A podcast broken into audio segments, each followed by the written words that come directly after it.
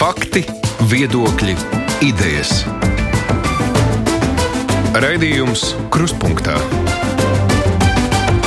ar izpratni par būtisko. Studijā Mārija Ansone. Latvijas valdība ir apņēmusies no nākamā gada janvāra atteikties no Krievijas gāzes un nepirkt to arī šogad, iespēja robežās. Tomēr jau tagad ir skaidrs, ka alternatīvu gāzes piegādes avoti nebūs lētāki, gluži otrādi. Gāzes cena Eiropas biržās kara dēļ pamatīgi ir pieaugusi, un nākamā apkurss sezona tiek gaidīta ar satraukumu, jo nav skaidrs, cik tad īsti izmaksās siltums mājās. Tādēļ iedzīvotāji un māju apsaimniekotāji jau skatās pēc alternatīvām siltuma apgādē, bet cik ātri vispār ir iespējams pārkārtot šīs sistēmas, lai pēc iespējas samazinātu gāzes izmantošanu siltuma ražošanā, un kādas ir alternatīvas, un vispār kāda ir valsts politika un pieejamais atbalsts. Par to mēs runāsim šodien. Kopā ar mums šeit studijā ir Rīgas Tehniskās Universitātes elektrotehnikas un vidas inženieru zinātņu fakultātes vidas aizsardzības un siltumsistēma institūta direktora profesora Dagnija Blumberga. Labdien! Labdien! Studijā ir arī Latvijas pašvaldības savienības padomnieks enerģētikas jautājumos Andris Akermanis. Labdien! Labdien! Attālināti mums ir pievienojušies no ekonomikas ministrijas enerģētikas finanšu instrumentu nodaļas vadītājs Gatis Silaus. Labdien! Labdien! Arī Latvijas siltuma apgādes uzņēmuma asociācijas valdes loceklis Valdis Vītoliņš. Labdien! Labdien! Un akcijas sabiedrības Rīgas siltums valdes priekšsēdētājs Normons Talcis. Labdien! Labdien! Vispirms jautājums ir uh, ekonomikas ministrijas pārstāvim, nu, lai kaut kā raksturotu to mūsu siltumu saimniecību Latvijā. Nu, cik daudz tur ir gāzes? Uh, no kuras droši vien, ka visas jau nevajag atteikties, bet, eh, nu, lai klausītājiem ir priekšstats, cik daudz mēs esam atkarīgi no šā, šī energoresursa un cik tur ir, tā kā, nu, privātie līgumslēdzēji un cik tur ir kaut kādi uzņēmumi, caur kuriem tiek uh, pirkta gāze, nu, apkura, kas, kura izmanto gāzi, ja varētu raksturot situāciju. Mhm. Uh, tad, tad Latvijā uh, 43% no siltuma apgādes tiek nodrošināta ar fosiliem avotiem, citiem vārdiem sakot, ar gāzi. Tad jau šobrīd 57% no mūsu siltuma apgādes ir atjaunojama energoresursi, no kuriem lielākā daļa ir koksne, šķelda, granula, smalka un tam līdzīgi. Tātad šie 43% no siltuma apgādes tā ir 251 katlu māja visā Latvijā. Katlumā izmēri ir ļoti, ļoti dažādi, sākot ar relatīvi lielām, kā piemēram Rīgā vai Reizeknē vai Daugopilī, nu, un sākot, beidzot ar pavisam, pavisam nelielām, kas ir ciematu siltumapgāde, kas apkurina atsevišķus nu, māju pudurus. Līdz ar to jāsaka tā, Latvijā šobrīd jau gadiem ir strādāts pie tā, lai atteiktos no fosiliem energoresursiem un pārorientētos uz atjaunojumiem energoresursiem. Tas ir devis jūtamu rezultātu, jo pirms 15 gadiem šis rādītājs bija, kad fosilie sastādīja 60%, kā redzat, ļoti jūtama izmaiņa ir. Tad, tad siltumapgādes veidos, kā, kā mēs nodrošinām siltumapgādi. Piekam arī mēs esam atteikušies no tādiem ļoti piesārņojošiem apkursu veidiem kā mazuts vai, vai ogles. Līdz ar to tas uzlabojums ir ļoti jūtams. Nu, kas attiecās, vai, vai šī ap, apgāde ir, ir privātie vai, vai, vai kā savādāk, nu, pēc būtības jau visas siltuma apgādes uzņēmumi, tās visas ir komercsabiedrības, jo siltuma apgāde, nu, tas ir ar nodokļiem apliekams pakalpojumu veids, un, un visi šie, nu, praktiski, jā, praktiski visi šie uzņēmumi ir komercsabiedrības. Jā, es vairāk domāju, nu, tos mājasaimniecības, kuras ir slēgušas līgumu par gāzi, nu, kurām ir gāzes apkura, cik daudz ir tādu? Man nebūs uz, uz rokas šobrīd, jo nu, katra privāta, privāta mājsaimniecība ir privāta mājsaimniecība. Mums pamatā tomēr ir statistika par šo, šo centralizēto siltumu apgādi. Jā, skaidrs. Blumbergs kundze, jūs eh, dzirdējāt datus 15 gadu laikā ir eh, no 60% uz 43% uh, samazināt atkarība no gāzes, tas ir daudz vai maz. Kā jūs vispār vērtējat šo te, nu, procesu, kā mēs esam pārgājuši uz tādu ilgspējīgāku, ekonomiskāku, siltuma saimniecību? Vai tas process ir tāds nu, tā ļoti bremzēts, normāls, straujišs? Kā jūs to raksturot? Man, man šķiet, ka mēs esam ļoti aizkavējušies, ka mēs varējām jau atteikties no gāzes jau, jau kādus pāris gadus atpakaļ, bet gāzes lobbyis ir tik spēcīgs ka faktiski nu, ļoti grūti, ja, ja vilina ar kaut ko komfortablu, vienkāršu, tad, tad lētu, jo gāze arī bija ļoti lēta salīdzinot ar, ar citiem kurinājumiem. Nevienam nevajadzēja nekādas vajadzības, nebija nevienam pāriet. Un tieši tas ir tas, kas faktiski tajā brīdī ja būtu likumdošanā iestrādāts, ka, ja gāze ir nesamērīgi lēta, tad uh, viņai uzturam nedaudz augstāku cenu un veidojam energoefektivitātes fondu. Pat kaut kur uh, 90. gados jau tas paspīdēja, ka tiklīdz atguvām neatkarību, ka vajadzētu mums domāt līdzi par to, ka jāveido šis fonds. Bet kas ir ļoti svarīgi saprast, ir, ka vislētākais ir enerģija, ir tā, kas netiek patērēta. Un katrs no mums, tā skaitā, es noteikti gribu teikt, ka es arī vēl noteikti varu samazināt savu enerģijas patēriņu. Un, ja es varu samazināt savu enerģijas patēriņu, domājot līdzi, cik es tērēju, piemēram, Vai man naktī vajag tik daudz uh, siltuma? Protams, man vajag daudz mazāk. Kas man jādara?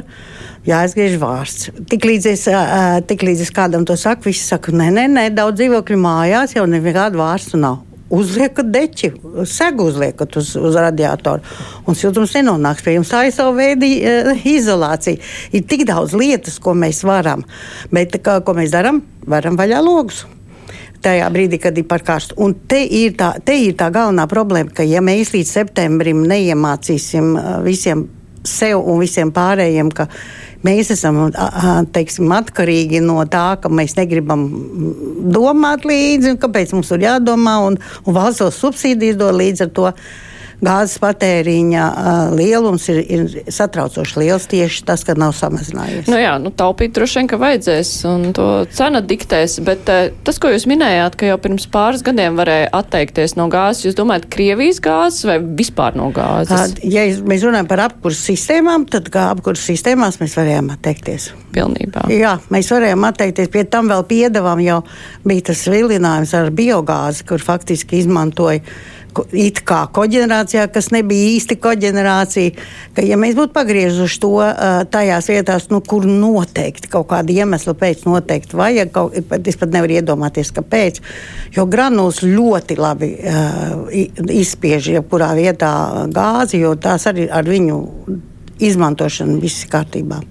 Vakarmaņa kungs. Uh, cena bija tā, kas bremzēja atteikšanos, domāju, vai arī kaut kāds atbalsta trūkums? Nu, ne, nu, abi divi jāpiekrīt profesorai, ka uh, tiešām mēs varējām daudz ko. Uh, vienīgi es gribu teikt, ka pašvaldības, pašvaldību uzņēmumi, nu, vai nu tas ir valsts atbalsts, jeb bez valsts, nu, nu, vispār ar valsts atbalstu, ļoti daudz ir darījuši, lai pārietu prom no gāzes.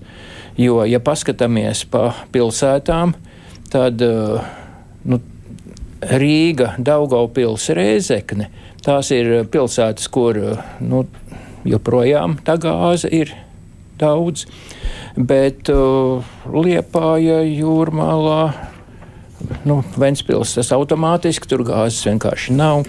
Jēlgava ļoti daudzas pilsētas ir pārgājušas uz šķeldu nu, pamatā šķeldu. Uh, tā kā es gribu teikt, ka uh, darbs ir darīts daudz, bet es pilnīgi piekrītu arī, ka to var, var un varēja un vajadzēja darīt vēl vairāk, ieskaitot ēku siltināšanu. Tā arī nevisai mums klibo, teik, teikšu, kā ir. Un tur nu, tiešām vajadzēja, uh, vajadzēja daudz vairāk nu, sauciet kā gribiet, aģitācija vai pamācības. Tur vajadzēja uz to pāriet, kad ēkas ir jāsiltina, tas automātiski dotu mazāku siltuma patēriņu.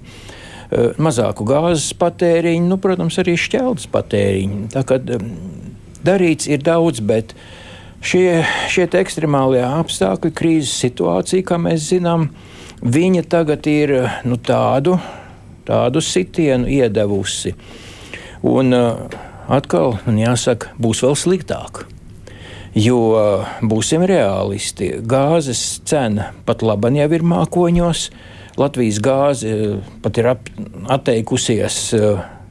Kalvīša kungs teica, ka Šobrīd viņi ne, iepirkt? neiepērk mm -hmm. no Krievijas gāzi jo viņi ir pārāk dārgi. Un neviens nezina arī īsti, kā būs vasarā, bet, nu, jā, jā par energoefektivitāti mēs runāsim arī vēlāk, lai gan, nu, tur jau ir skaidrs, ka ne jau tikai negribēšana, bet ar arī, zinām, sarežģījumu ar to tik galā. Es vēl gribēju vērsties arī pie Vītoliņa kunga, kā jūs kopumā raksturot situāciju tā pāreja, kas varēja būt uh, lielāka prom no gāzes līdz pat pavisam, tad tas ir tas cenas jautājums, uh, kas to ir bremzējis. Gan jā, gan nē. Ja mēs runājam par centralizēto siltumapgādi Latvijā, tad uh, tā ir centralizētā siltumapgāde. Tā ir tikai daļa no kopējās siltumapgādes. Jāsaprot, tas ir. Protams, ka tas ir pārsvarā daudz dzīvokļu mājas un liel, lielākās pilsētas un apdzīvotās vietas. Tad šis tirgus jāsadala uzreiz divās daļās - Rīga un visa pārējā Latvija. Vispārējā Latvija faktiski ir savā energobilancē, centralizētajā siltumapgādē, ir stipri pāri pusē izmanto atjaunamos resursus. Rīga Līdz šim tas cipars nav bijis liels, lai gan Tālškungs droši vien pats izstāstīs, ka Rīgas siltums kā uzņēmums pats ļoti daudz ko ir darījis. Un, un šī pārējai notiek un notiks vēl intensīvāk, bet Rīgā mums lielu pīrāgu paņem Latvijas energo. Tātad, kamēr Latvijas energo teica būs uz gāzi, tikmēr šī bilance būs tāda, kāda viņi ir. Un tas ir jautājums drīzāk, te varbūt arī Latvijas energo kolēģis vajadzētu pieaicināt, jo Patiesībā tā ir visa mūsu nauda, ko mēs esam investējuši tecos. Jā, tā ir jautājums, vai nu mēs viņus tagad izslēdzam un būvējam kaut ko jaunu, tie ir naudas jautājums. Uh, man, man, man šķiet, ka patiesībā mēs esam pārējais procesā, ka pēc 10, 15 vai 20 gadiem arī kurināt biomasu nebūs labais, labais tonis, jo tas ir resurss, kas patiesībā ir, tas nav jādedzina. Viņš ir jāizmanto daudz, daudz gudrākā veidā. Un tas, kas no šodienas perspektīvas izskatās, ka tā pārējai patiesībā apkūra enerģētika, elektrība būs galvenais avots. No kurienes mēs viņus dabūsim, tas jau ir jautājums, par ko jādomā šobrīd. Tāpēc jā, jāpalielina biomasas, biomasas daudzums centralizētajā siltumapgādē vai, vai siltumsistēmās, tas ir skaidrs, bet jau šodien ir jādomā par, par nākotnes šīm, šīm tehnoloģijām un kā mēs izmantosim. Un patiesībā man ir tāds, tāds uh, salīdzinājums, ka mēs kā siltumapgādes uzņēmumi patiesībā esam kā tāda, nu, teiksim, maizes ceptuve. Ja? Tātad mēs ņemam miltus un, un veidojam produktu, kas ir siltums, un šie milti būtu šie, šie energoresursi. Tad faktiski šim patērētājam, patērētājiem ir jādomā uh, savā patēriņa galā, kā šo produktu izlietot. Un to, ko Dagnija jau teica, tā tad energoefektivitāte pie patērētāja, temperatūras samazināšana, siltināšana. Un arī runājot par jaunām tehnoloģijām, tie paši siltumsūkņi. Tas jau nav vienkārši. Mēs nopērkam siltumsūkni, un tagad mums ir zaļa enerģija. To siltumsūkni vienkārši nevar pielikt pie daudz dzīvokļu mājas, tāpēc ka tā apkurss sistēma, kas tur ir pirms 50 gadiem uztaisīta, viņa ir priekš augstas temperatūras uh, energo nesēja. Tātad, un, uh, es teiktu, ka šobrīd, kad mēs siltinām mājas, tad siltināšana ir tikai viena teiksim, puse no visiem jautājumiem. Ir jādomā par ventilāciju. Uh, raidījumā pirmajā daļā tur kolēģi, ja iedzīvotāji no Liepājas minēja, ka viņi tur patērē vienu eiro laikam pa dzīvokli bija samaksājis. Jautājums, vai viņiem ir vēdināšana. Tātad, tātad vēdināšana pie siltināšanas projektiem ir obligāts pasākums daudz dzīvokļu mājās. Vēdināšana, temperatūras pazemināšana, tā tad ir jā, jārekonstruē visa apkuras sistēma, lai mums nebūtu jāpadod siltumnesējs ar temperatūru, piemēram, 80 grādu, bet mēs varētu dot 40 grādu temperatūru. Tad automātiski varēsim izmantot gan siltumsūkņus, gan saules paneļus.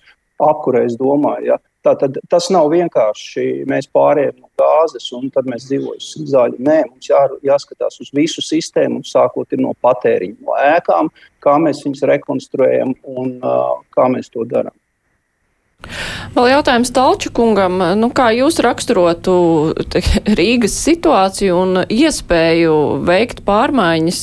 Kolēģis, jūs jau pieminēja šo te problēmu ar Rīgas teciem un Latvanergo, kas ir jau pasūtīs, jau saņem šos sašķidrinātās gāzes kravas, kur vēl nav pat zināms arī, cik īsti tas gal galā izmaksās, un droši vien, ka tas maksās dārgi.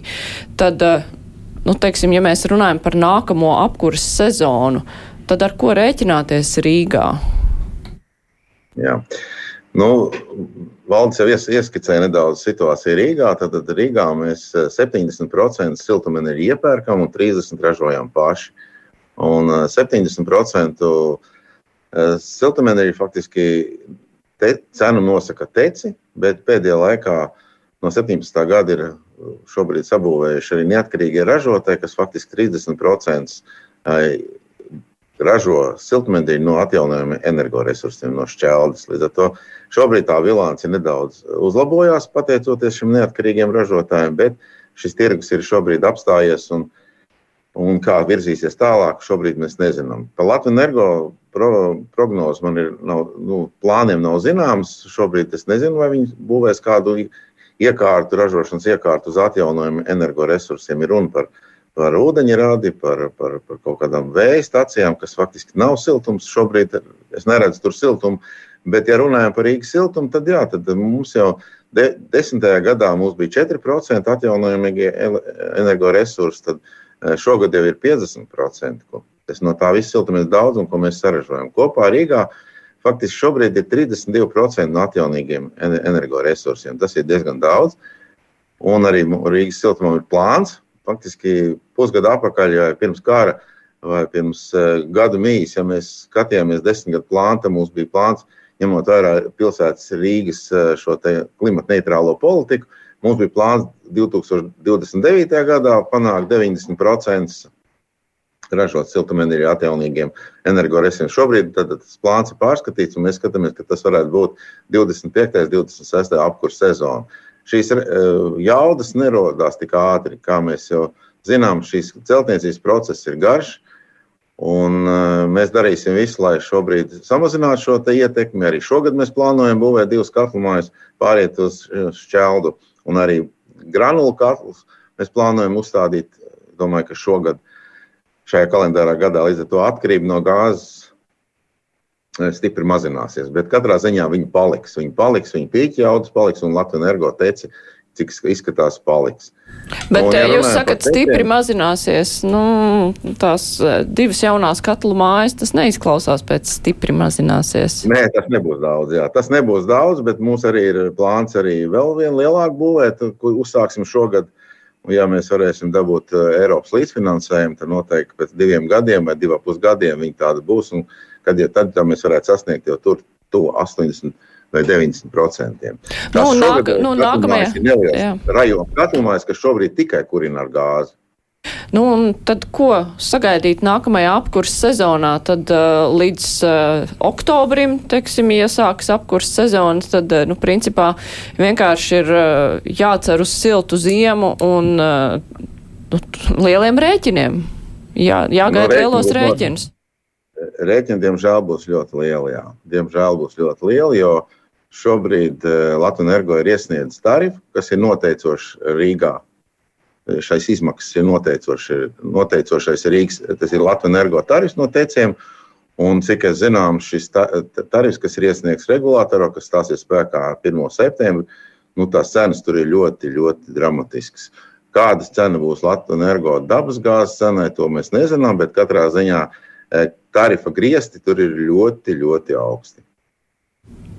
Vitolinkungs, uh, nevis Vitolinkungs, Silokungs. Uh, kādas tad ir ekonomikas ministrijas prognozes uh, par gāzes cenu? Nu, ar ko cilvēkiem tad rēķināties?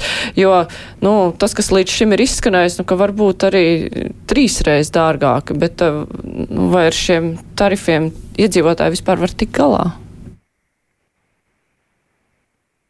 Šis ir ļoti nepateicīgs brīdis, lai mēs um, prognozētu nākotni, jo mēs ļoti labi saprotam to, ka gāzes cena ir atkarīga no tā, kas šobrīd notiek Ukrajinā. Un, um, Karš Ukrainā sākās 24. februārī, šodien ir 26. aprīlis, ir pagājuši divi mēneši. Un kas vēl būs septembrī, oktobrī, jūs redzat, kādā ātrumā attīstās situācija. Gāzes cena šobrīd ir augsta. Tā, tā ir taisnība. Un, un var var būt ļoti daudz dažādu faktoru, kas viņu ietekmē gan uz, gan uz augšu, uz leju. Nu, teiksim tā, mēs neredzam, ka gāzes cena ļoti strauji pēkšņi varētu samazināties. Tas, tas gāzes cenu līmenis, kas viņš ir šobrīd, viņš visticamāk saglabāsies visu nākamo ziemu. Un nelabvēlīgas apstākļu sakritības rezultātā viņi var arī vēl paaugstināties. Nu, tā, tā ir realitāte, ar ko ir jārēķinās. Ja? Bet prognozēt precīzi, kāda viņa būs oktobrī vai nākamā gada februārī, es neticu, ka kaut viens uz šīs planētas spējīgs to izdarīt. Vitoļinkungs, bet jūs arī rēķināties ar to, nu, ka būs jāceļ tarifi un ka kaut kādas tādas lielas pārmaiņas līdz nākamajai apkurses sezonai vienkārši nav iespējams veikt. Es domāju, ka nevis apkurss sezonas sākumam, bet pat līdz apkurss sezonas beigām. Jo, kā jūs saprotat, te jau kolēģi minēja, ka atomājas būvniecība tas nav aiziet un nopērkt veikalā, es nezinu, motociklu vai, vai mopēdu vai divriteni, pareizāk būtu teikt. Uh, tas ir skaidrs un arī loģiski spriežot, ja tiek, jo atslēgas vārds ir, cik maksās gāze. Tātad, cik, ja mēs zinām, cik maksās gāze, biomasas cenu mēs varam apmēram noprognozēt. Viņa nesvārstīsies tik daudz, kaut arī viņa arī var pieaugt. Tad mēs varam noprognozēt, izreikināt, kāds būs siltuma tarifs. Tātad, cik maksās gāze, tad par kādu naudu viņi iepumpēs Inču kalnā, tik viņi arī plus mīnus maksās. Protams, ja pēkšņi atnāks vaļā caurule no austrumu puses, jā, tad tā, tas varētu ietekmēt tirgu. Bet nu, tas jau tāds retorisks jautājums, kas notiks ar šo cauruli. Ja gāze maksās 100 eiro, tad siltuma tarifs nostāsies no 100 līdz 150 eiro vai pat augstāk līmenī. Ja tarifs ir 150 tādā, tādā līmenī, tad nu, vien, viens dzīvoklis janvārī varētu maksāt 250 apmēram eiro par siltumu. Jā, nu prognozes nav visai iepriecinošas Jā. Eh, par to, ko darīt. Runāsim tūlīt. Es tikai atgādināšu par mūsu uh, sarunas dalībniekiem uh, no Latvijas pašvaldības savienības. Šeit ir Andris Akermanis no Rīgas Tehniskās universitātes, profesora Dagnija Blumberga no ekonomikas ministrijas. Uh, enerģētikas finanšu instrumentu nodaļas vadītājs Gatis Silovs, Latvijas siltumapgādes uzņēmuma asociācija pārstāv valdes Vitoļiņš, bet akcijas sabiedrības Rīgas siltums valdes priekšsēdētājs Normunds Talcis. Mēs tūlīt turpinām. Raidījums Krustpunktā.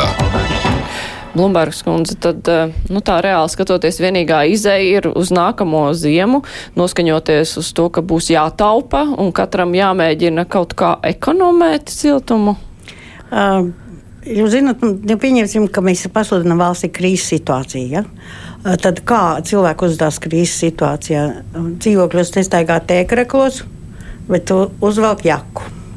Un es atceros, ka 91. gadā ieradās amerikāņu USAID programmas ietvaros, un uh, viņiem bija projekti par enerģijas energoefektivitātes paaugstināšanu. Un viņi, vi, viņi katru reizi, kad mēs gājām uz kādu uzņēmumu, vienmēr viņi brīnījās par to un prasīja, nu, kā tas ir, ka cilvēks saka, ka viņam ir augsti, un ka viņš neuzvelk jaku. Kāpēc viņš domā, ka obligāti ir, ir jāstaigā tēkraklā? Man liekas, ka šis te, e, nu, būs viens no, no tādiem variantiem, par ko pat tiešām jādomā, jo tas ir, ir valstiska domāšana, jo nav mums gāzes. Tātad mēs tagad jau šobrīd mēģinām taupīt, un, un tad, kad ir krīzes situācija, tad vienkārši, vienkārši saprotam to, ka uh, siltumapgādes uzņēmumi, lai samazinātu tās lielās izmaksas, noteikti darīs visu, lai regulētu, piemēram, turbogaitas temperatūras noteikti pazeminot. Uh, valdes gan teica par to, ka, ka nu, radiatori neatļauj. Ja radiatori nav izmazgāti, noteikti neatļauj. Bet, ja radiatori ir izmazgāti, bet radiators var izmazgāt vasarā. Un, uh, ir, ir ļoti daudz tādas lietas, sīkums aiz sīkuma. Un, un, uh, ietaupīt var. Es domāju, ka, ja mēs saliekam kopā elektrību un, un siltumu, ir tādas mājas, kuras ietaupīs 20%. Es atceros, ka Rēzeknē, piemēram, bija viena aktīva sieviete, un viņa vienkārši bija tā, tā kā mājas vecākā, un viņa vienkārši skatījās, kas tur notiekās. Viņa pa nakti apstaigā māju un pasties, kam logi vaļā. Un uh, visus tos, kam bija, kas pa nakti tur logs vaļā, pie, nākot no rīta, visi jau redz uz durvīm, ka, kur ir tie, kuri lai izlaiž ārā siltumu, un pārējie maksā. Es domāju, ka tādas lietas, te, ta, tagad mēs saucam to par energo pārvaldību, un tas ir jautājums, ko var risināt. Bet tā, tā galvenā problēma ir informācijas trūkums. Jo tā attieksme pret šīm lietām, ja mums būtu, es eh, kādu laiku dzīvoju Zviedrijā, un es redzēju to, kā viņi taupa, viņiem nevis taupīja aiz skopuma Bet tāpēc, ka tā viņiem ir tā tāda reliģija. Viņi vienkārši domāja par to, ka, ka e, viņi zina to, ka ir jātaupa, un viņi vienkārši, es, es atceros, es nomazgāju vienreiz. Uh, zem, zem tekoša ūdens trauks, un man pēc tam vairs tā saimniece neļāva mazgāt trauks, jo viņi, viņa bija tā kā nērta. Man aizrādīt, ka es vēlāk atapos, kur tad ir tā lielā nelaime. Nevis tāpēc, ka, ka, uh, tas ir, ir, uh, ir, ka tas ir Nu, ka, tu, te, ka tas ir mazgājot zem tekošu ūdens, ūdens patēriņš ir daudz lielāks un tas ir vidē nedraudzīgi. Un viņai tas bija skaidrs. Un viņa bija par mani kaut kāds 30 vai 40 gadus vecāka. Un, un man tas vienkārši fascinēja tieši tas, ka, kā Zviedri un Dāņi un Somi domā par to, kā taupīt ūdeni, enerģiju, visus dabas resursus. Tas ir ļoti svarīgi. Akermaņa kungs, tā būs tā politika, kam jāpievēršās jā. tagad nākošu gadu, kamēr nevar strauji izdarīt. Jā. Domāju, ka jā, jo Silokungs pareizi teica, nu, un arī pārējie diskusijas dalībnieki, kad pārbūvēt līdz apkuras sezonai uz šķeldu, atteikties no gāzes, tā ir praktiski neiespējama misija. Kaut gan nauda ir ļoti, nu, pietiekami daudz. Nauda ir bet uh, uzbūvēt katlu māju, it sevišķi tādu jau vidējas vai lielas jaudas, nu, tur sākot no projektēšanas, materiāliem, caurules no Krievijas nenāk, uh, katli nekur nestāv, ka viņus varētu paņemt. Tā kā uh, lielā mērā es baidos, ka mums ap, šī apkurses sezonā būs jādzīvo ar to, kas ir. Kā jau teicu, ļoti daudzas ļoti, ļoti daudz siltumu uzņēmumi jau ir pārkājuši uz šķeldu, un gāze tiek izmantota nu, tikai maksimuma laikā, tad, kad tiešām ir pīķis lodzes. Uh, un uh, es domāju, ka pilnīgi pareizi, kā profesors teica, ir jātaupa, jātaupa dažādos veidos, piemēram, pazeminot dzīvoklī temperatūru par 1-2 grādiem, mēs jūtam, varam samazināt uh, savu lielo uh, siltuma rēķinu, un viņi būs lieli.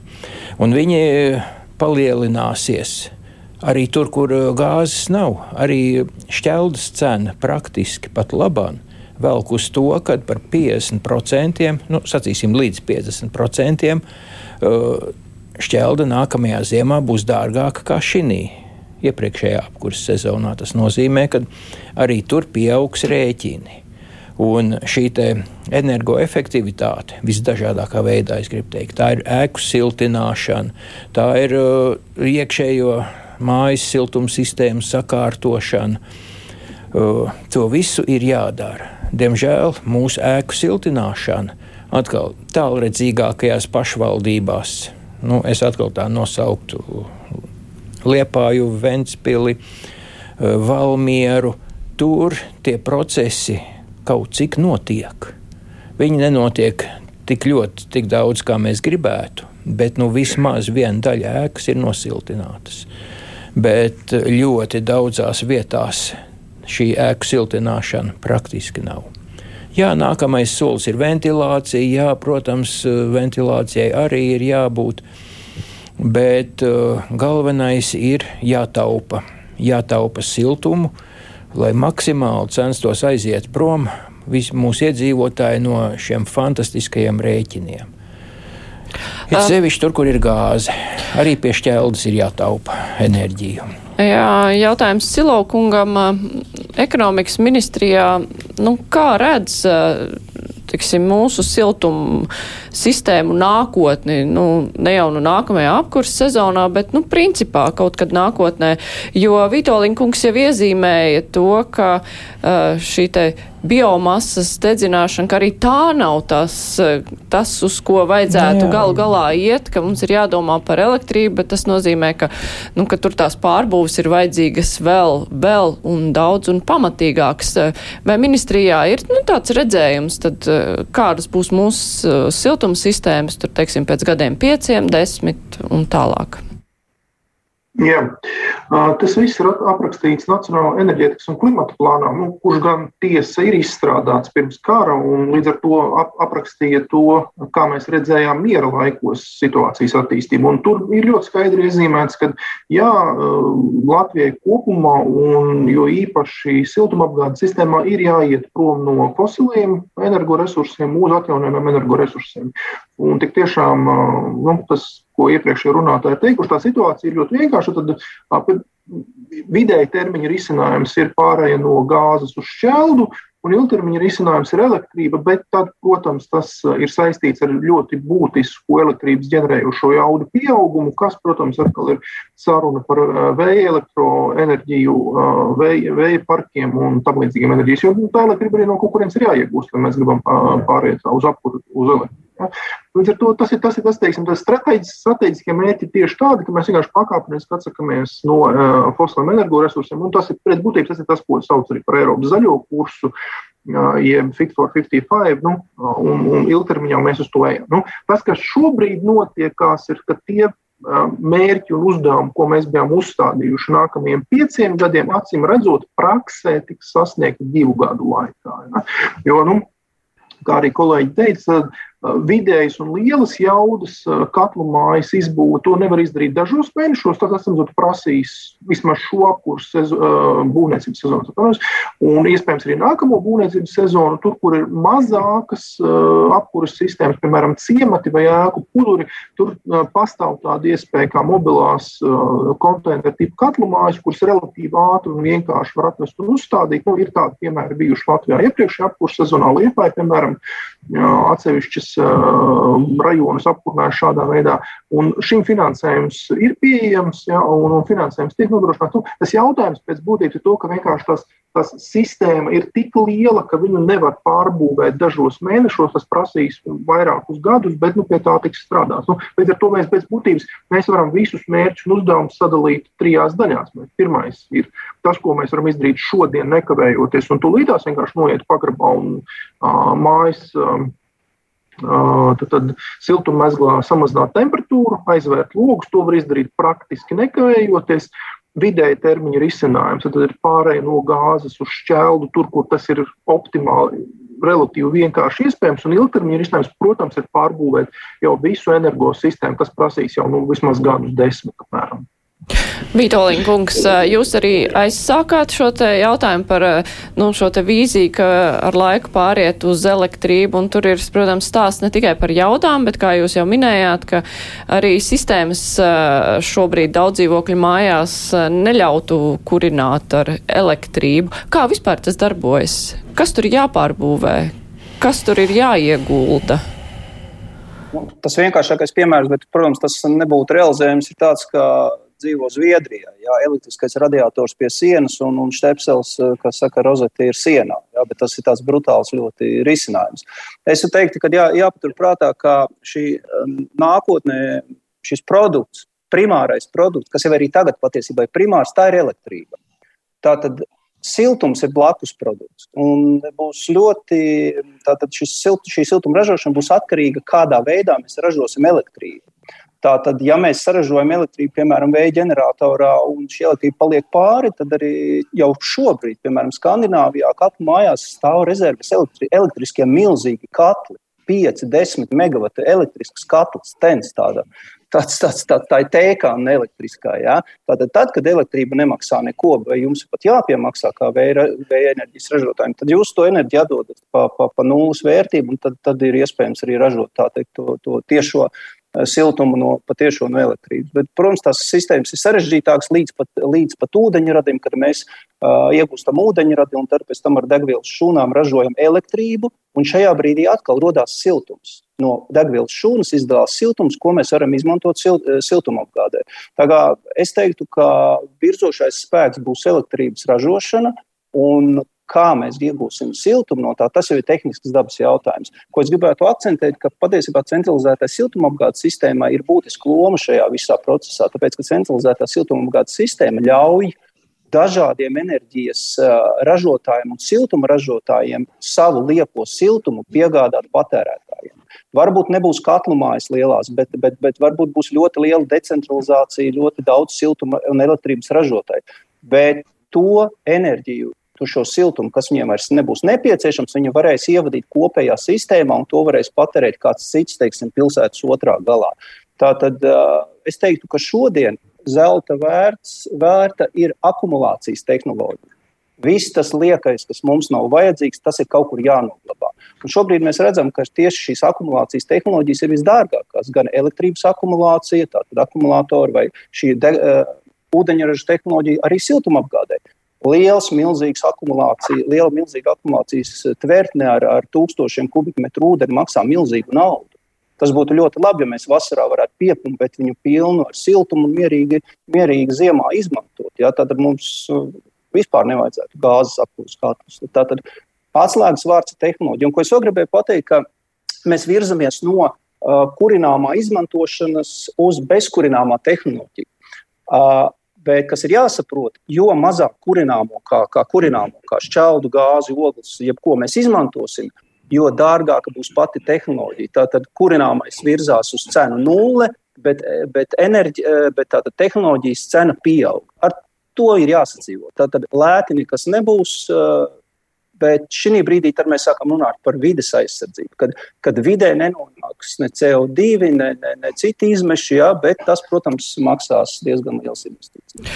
Bet uh, to visu seks patērētājs uh, Silaukungs gal galā šīs tehnoloģijas. Mēs runājam par visai uh, garu laika periodu, Jau redzat, kas pa lietu. Tās katlu mājas, kas šobrīd ir uzstādītas un kas šobrīd darbojas, viņas jau nav bezgalīgas. Viņas agrāk vai vēlāk ir jānomaina. Un tas dabīgais lietu attīstības veids ir tāds, ka tad, kad esošās katlu mājas nolietojās un viņu vietā ir jā, jāveido kaut kas cits, tad vienkārši tiek liktas jaunākās tehnoloģijas. Tas jau vienmēr tā ir bijis līdz šim. Nav jau tā, ka paņemam, nojaucam vecu katlu un uzbūvējam pilnīgi identisku. Mēs katru reizi kaut kādas jaunākas, labākas un efektīvākas tehnoloģijas uzstādām. Nu, Pilnīgi, tas ir pilnīgi normāli lietu attīstības kārtība. Un mēs šobrīd runājam teiksim, par šīm te bezkurināmām tehnoloģijām, mēs jau runājam 10, 20 gadu perspektīvā.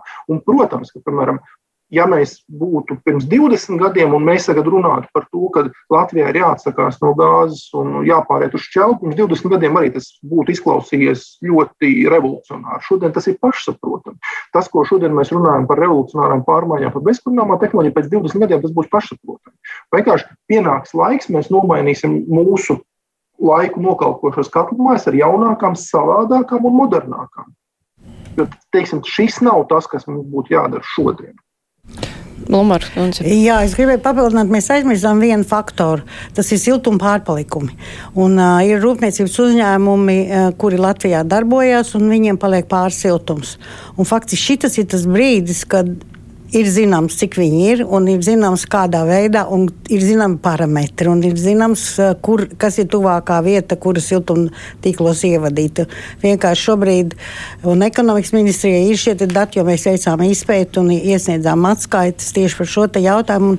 Tas ir viens, viens tāds gabals, kas faktiski ir siltuma pārpalikums pats par sevi jau nosaukums. Tātad tas principā neko nemaksā. Maksās tikai tehnoloģija, kā to siltumu aizvilkt līdz trasē.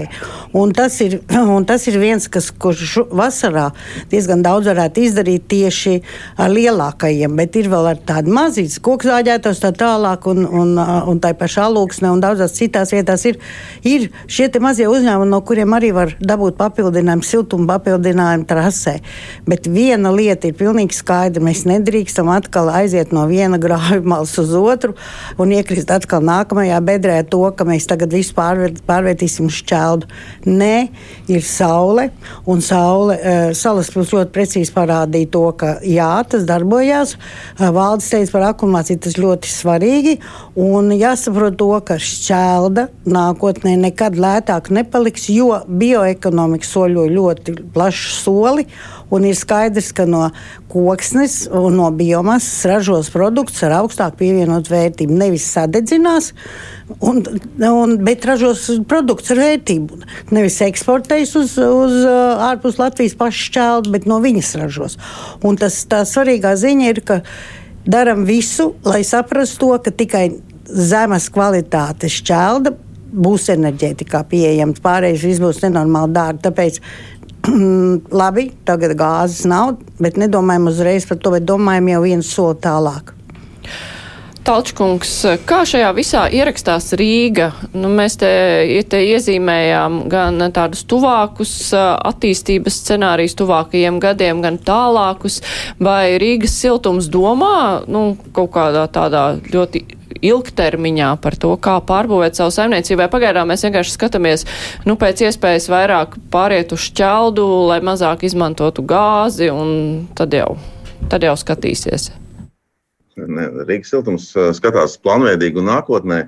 Un, tā kā jau šodien ministrijas pārstāvs teica, un arī Blūmbergs kundze teica, ka, un arī Valds Vitoļņš, ka vairāki etapi ir šajā visā neatkarības vai energoefektivitātes vai nulles emisiju, uz nulles emisiju virzīto pasākumu kopums. Un pirmais, bez šaubām, ko mēs varam izdarīt šodien un tagad, mēs nevaram ne paņemt šo pārpalikumu siltumu no ražošanas uzņēmumiem līdz rudenim, ne mēs varam uzbūvēt katlumais, nevaram mēs izbūvēt kādu citu ražošanas avotu, bet mēs varam izdarīt energoefektivitātes pasākumus, ko mēs varam izdarīt. Un to jau arī mēs Rīgas siltums esam reklamējuši, ka jā, īsākais termiņš, ko var izdarīt līdz apkurss sezonai, tā ir šie sakārtot apkurss sistēmu, lai viņas var regulēt, un arī šī alokātori, kas dod motivāciju sadalīt siltumnīcas daudzumu pa apkurss pa tiem telpām. Ja? Tas ir īsākais ceļš, ko mēs varam darīt un ko mēs līdz rudenim varam izdarīt. Un to mēs esam pierādījuši, kā to var panākt 20% ekonomija. Vislabākais, kā samazināt siltumnīcas patēriņa apkurē ir bez šaubām mājas siltināšana, renovācija, pilnā, pilnā renovācija. Bet tas arī aizņem mēnešus un gadus. Kā mēs redzam, arī Rīgā mums neiet tik labi, kā pāris dienas atpakaļ Nēmaņa kungs stāstīja, nu neiet, atsakās mājas. Tāpēc, ka cilvēkiem arī alokātoru sistēmas uzstādīšana, cilvēki atsakās. Mēs jau, jau vairākus gadus ejam pie kooperatīviem, dzīvokļu apsaimniekotājiem, pie mājas īpašniekiem, dzīvokļu īpašniekiem griežamies ar savu piedāvājumu, bet viņi nevar vienoties, jo viņiem jāpārbūvē iekšā sistēma, jāizveido šis vārsts vai termostats ventīls, kurš regulē to temperatūru. Viņi nevar izdarīt. Līdz ar to mums e, šobrīd jāvēršās pie lietotājiem, pie gala lietotājiem, lai, e, lai, viņi, lai viņus izaudzinātu.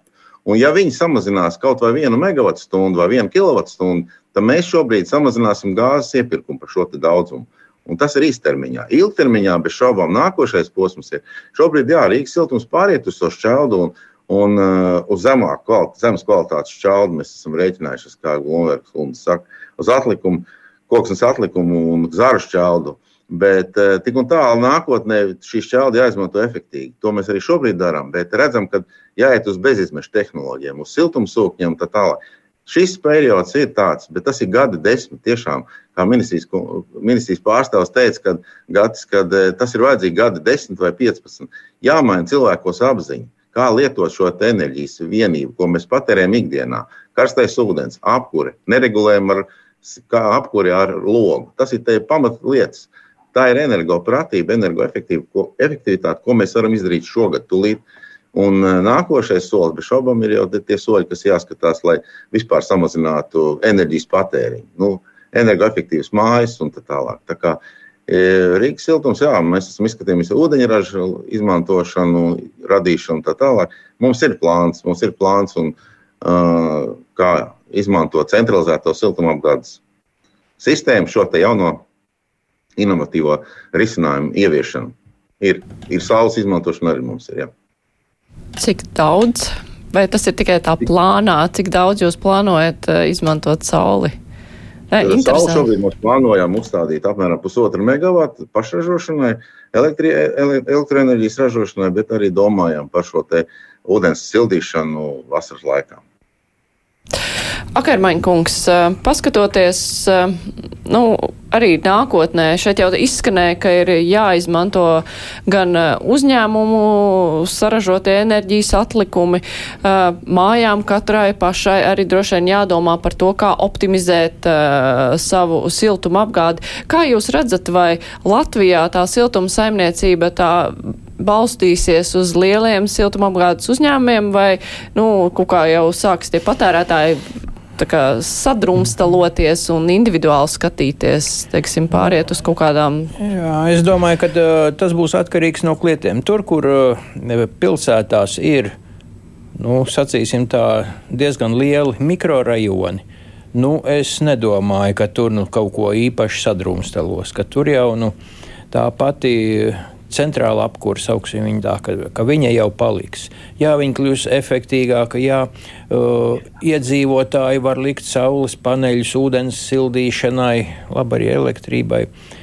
Tā kā e, cita, cita lieta ir mazas pilsētas un it sevišķi individuālie, individuālās mājas. Tur jau nu gan. Uh, Es domāju, ka siltumsūkņi daudz tiks izmantoti.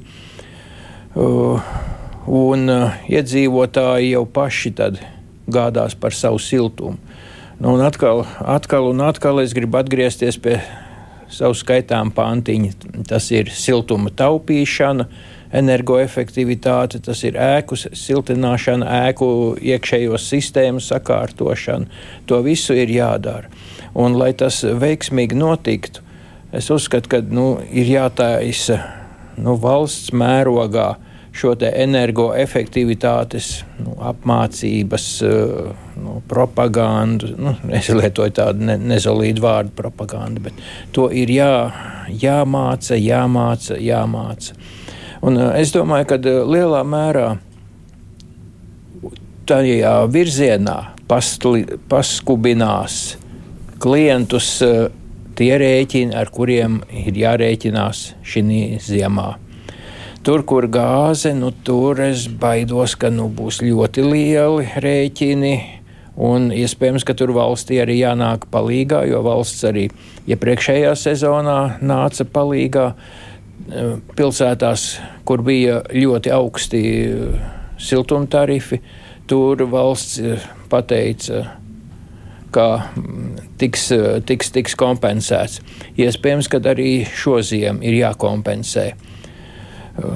Es nerunāju tikai par uh, trūcīgajiem iedzīvotājiem, kam obligāti ir jāpalīdz, bet, bet vispār, manuprāt, vajadzētu valstī arī uh, saka, iet, tādu kā etalonu cenu pateikt, ka, nu, ja, ja rēķins par megawatu iet pāri tai, nu, tad ir jāpazina. Bet vienalga, vienalga lielā, liela darba daļa ir jāveic iedzīvotājiem, jātaupa, jātaupa, jātaupa. Nu jā, nu viena lieta ir tā apziņas mainīšana, mm -hmm. kas te mhm. tika piesaukta vairāk kārt, un cilvēku izglītošana, teiksim, nevēdināt, neturēt logas vaļā, bet, nu, tas mm -hmm. viss ir iet kopā, tā energoefektivitāte un nevēdināšana, piemēram, ar labu ventilāciju, un tas viss, un arī mājas siltināšana, tas viss prasa naudu, un bieži vien ne jau tikai cilvēku apziņa ir pie vainas, bet arī naudas trūkums trūkums, vai eh, ministrijā grib no. pārskatīt eh, atbalstu vai nosacījumus, kā piemēram, daudz dzīvokļu mājas var tikt eh, pie līdzekļiem siltināšanai, ventilācijas sistēmu pārbūvēi vai apkurs sistēmu uzlabošanai? Um, šobrīd šāds atbalsts ir bijis pieejams vēsturiski. Mēs saprotam, to, ka daudz dzīvokļu māju siltināšanas programma jau nu, kopš 2009. gada, tas ir jau 13 gadus, uh, darbojās šāda programma. Un ir vairāk kā tūkstots mājas šādā veidā siltināts, vai pareizāk sakot, uh, tehniski pareizi ir teikt, veikt energoefektivitātes uzlabojumu šīs mājās. Jā, jo tur ne tikai siltināšana, tur ir tiešām ventilācija, dod ļoti liels iegūmus, un arī apkurss modernizācija. Un ir tas, ko Taučkungs teica, ka pēc būtības jau viens no efektīvākajiem risinājumiem ir nevis šī sienu siltināšana, bet radiatoru sistēmas pārbūve, kas nu, vienkārši izsakoties nozīmē izņemt ārā vecos radiatorus un ielikt jaunus regulējumus radiatorus, un attiecīgi arī um, vi, vi, mājas iekšpusē arī tiek veikta remontdarbi. Un visām šīm lietām, gan māju siltināšanai, gan centralizētai siltumapgādē, gan daudzām citām lietām, finansējums ir pieejams un ir bijis pieejams un būs pieejams. Ja?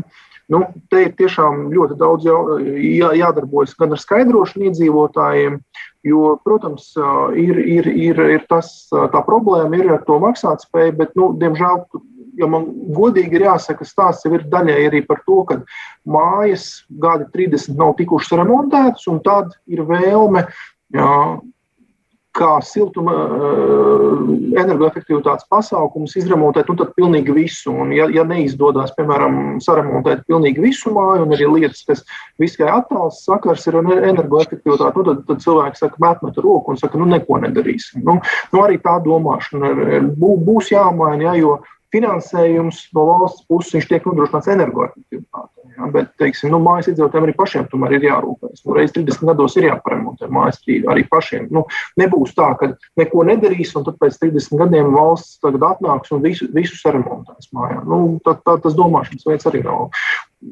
efektīvs, jo vienkārši tas prasīs miljardus, ja mēs gribēsim katru māju regulāri remontēt tikai un vienīgi valsts līdzekļiem. Bet runājot par valsts atbalstu, nu, ja, ja par, domājot par to, nu, kā cilvēkiem tik galā ar rēķiniem, tad uh, ministrijā tiek domāts arī par nu, tādas līdzīgas programmas, kā bija uh, iepriekšējā apkursa sezonā iedarbināta, tā kā parādījās lielās gāzes cenas. Vai nu, tas ir tāds politisks lēmums, ar ko nāksies vienkārši nākamajai valdībai saskarties? Šobrīd tagad tiek domāts, vai tas tiks atstāts uz rudeni?